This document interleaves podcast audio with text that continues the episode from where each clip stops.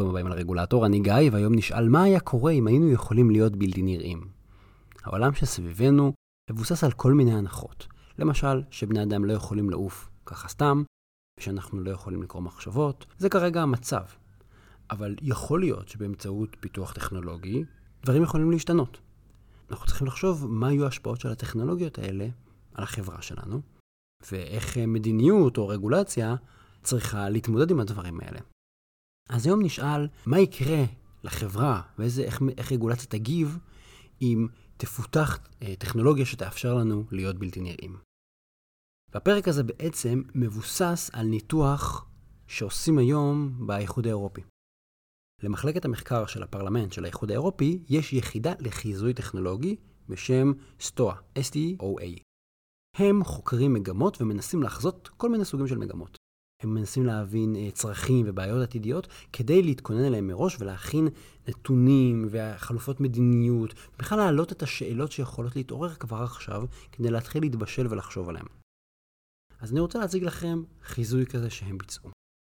את החיזוי על השאלה מה היה קורה אם היינו יכולים להפוך לבלתי נראים ואיך הממשלות היו מגיבות לזה.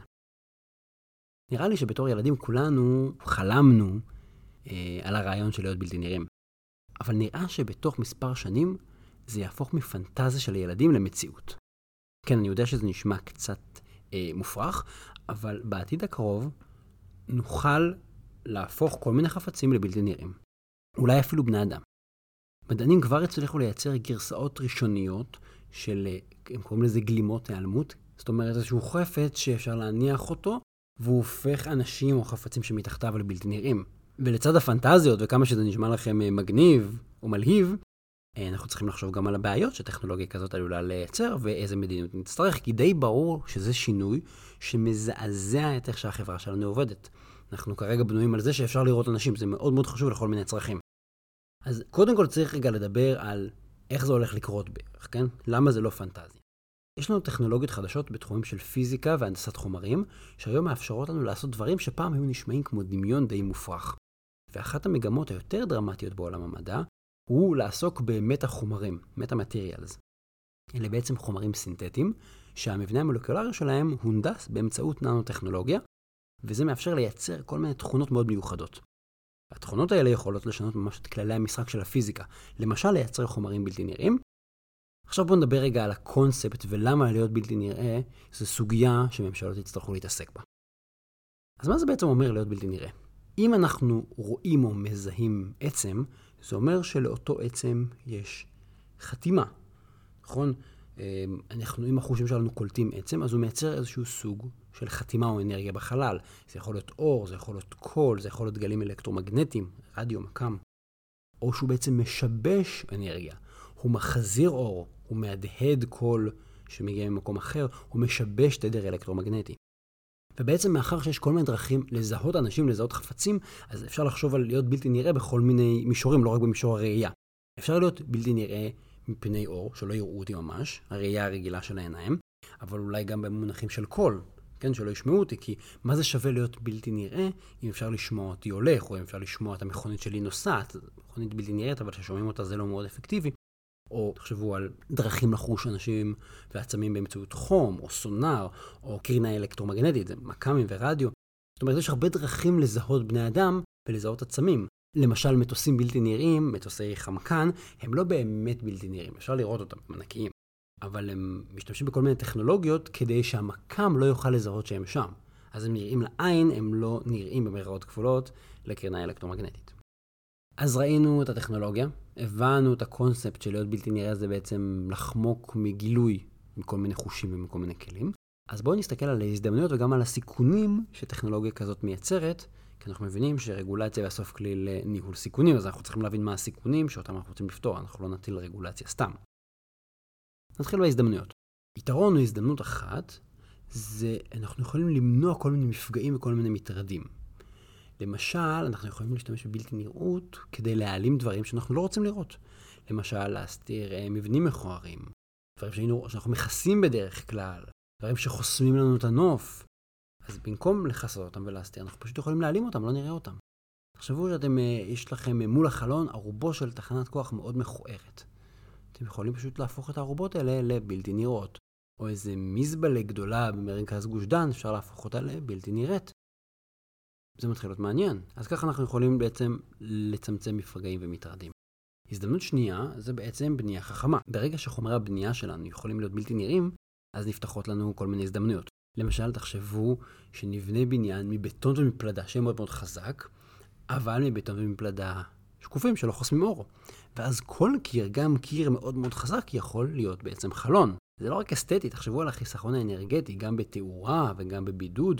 עוד אפשרות זה בנייה שלא יוצרת בעיות אקוסטיות. כי אמרנו שבעצם בלתי נראות או לשנות את התכונות של החומר זה לא רק לראות בעיניים, זה גם נגיד לשנות את הסיפור של אם אני שומע קול או איך התכונות האקוסטיות שלו.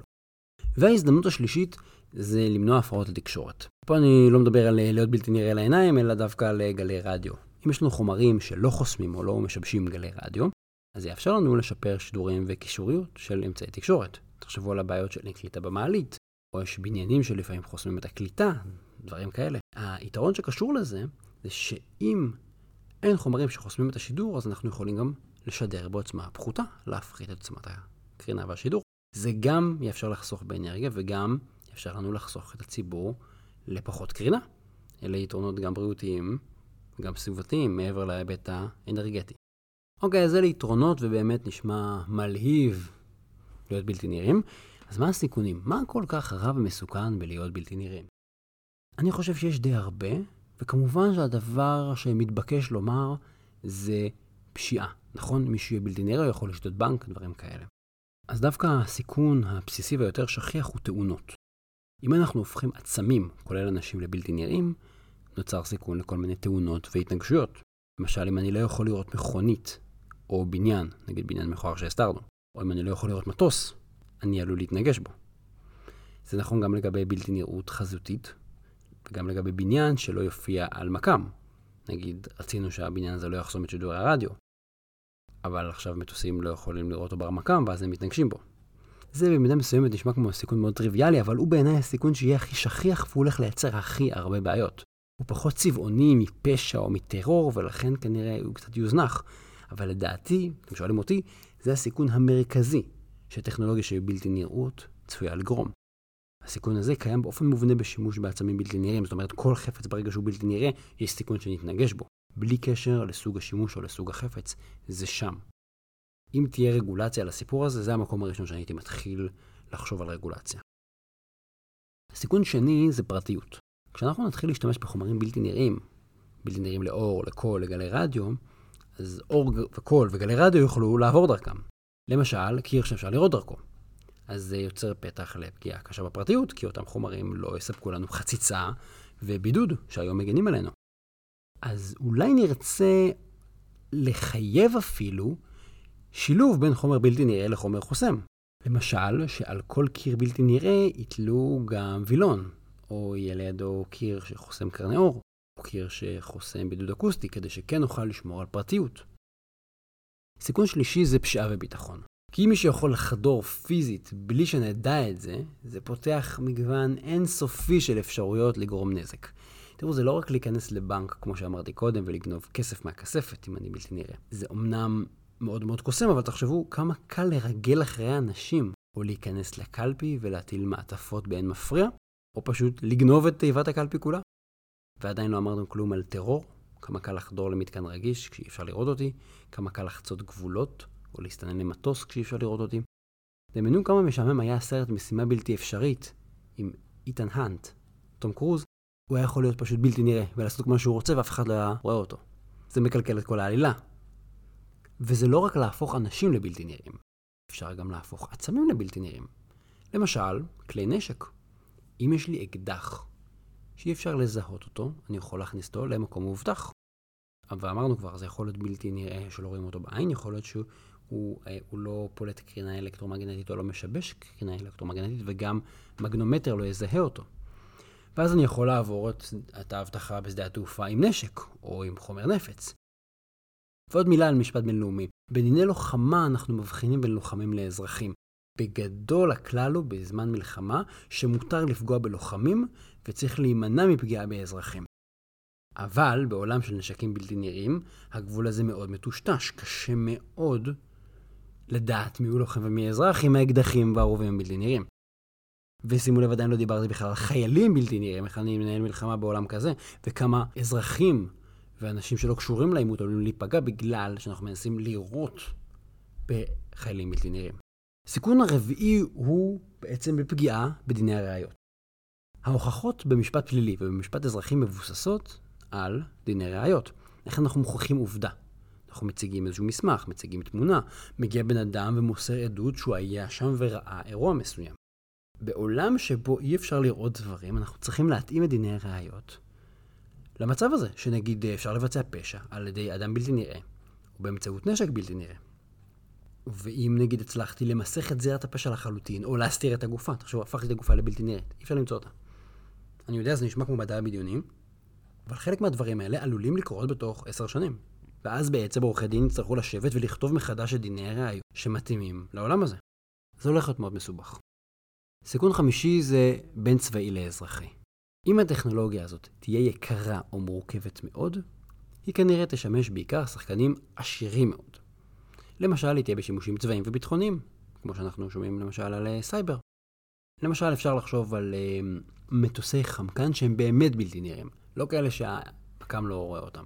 כאלה ששום מקם לא יכול לראות אותם, וגם בעין אי אפשר לראות אותם, מטוסים שהם על אמת בלתי נראים. או טנקים שאי אפשר לזהות במקם.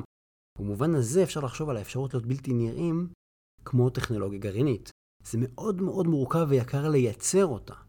אם זה ככה, אז היא תהיה רק בידי קבוצה מצומצמת יחסית של גופים ומעצמות.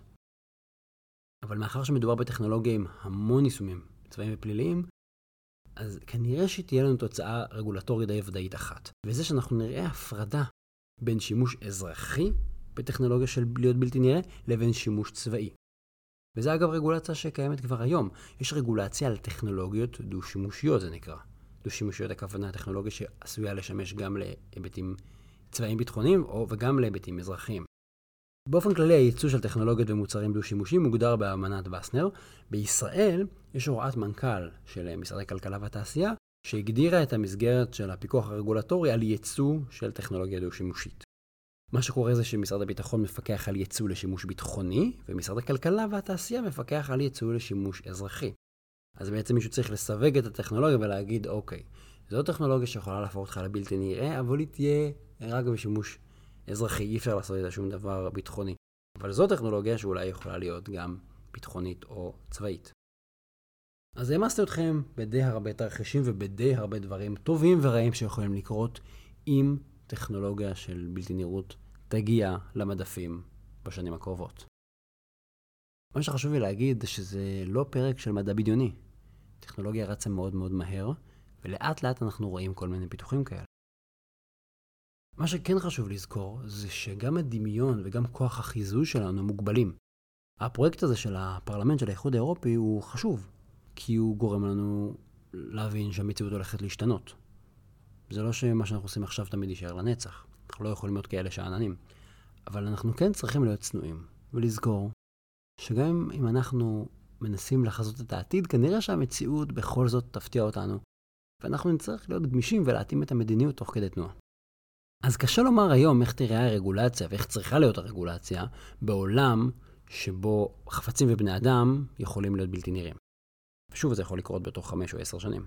אבל די ברור שאנחנו נהיה מוכרחים לעשות כל מיני שינויים. שינויים בדיני תכנון ובנייה, ברגולציה סביבתית, בחוקי הגנת פרטיות, במשפט פלילי, בדיני ראיות אמרנו, אפילו במשפט הבינלאומי של איך מבחינים בין לוחמים לאזרחים. מה שאנחנו רואים זה שלהיות בלתי נראה נשמע נהדר, אבל כנראה שזה הולך לעשות כאב ראש להרבה מאוד אנשים, וכנראה שגם אנחנו נראה תגובה רגולטורית. וזה הסיפור בעצם.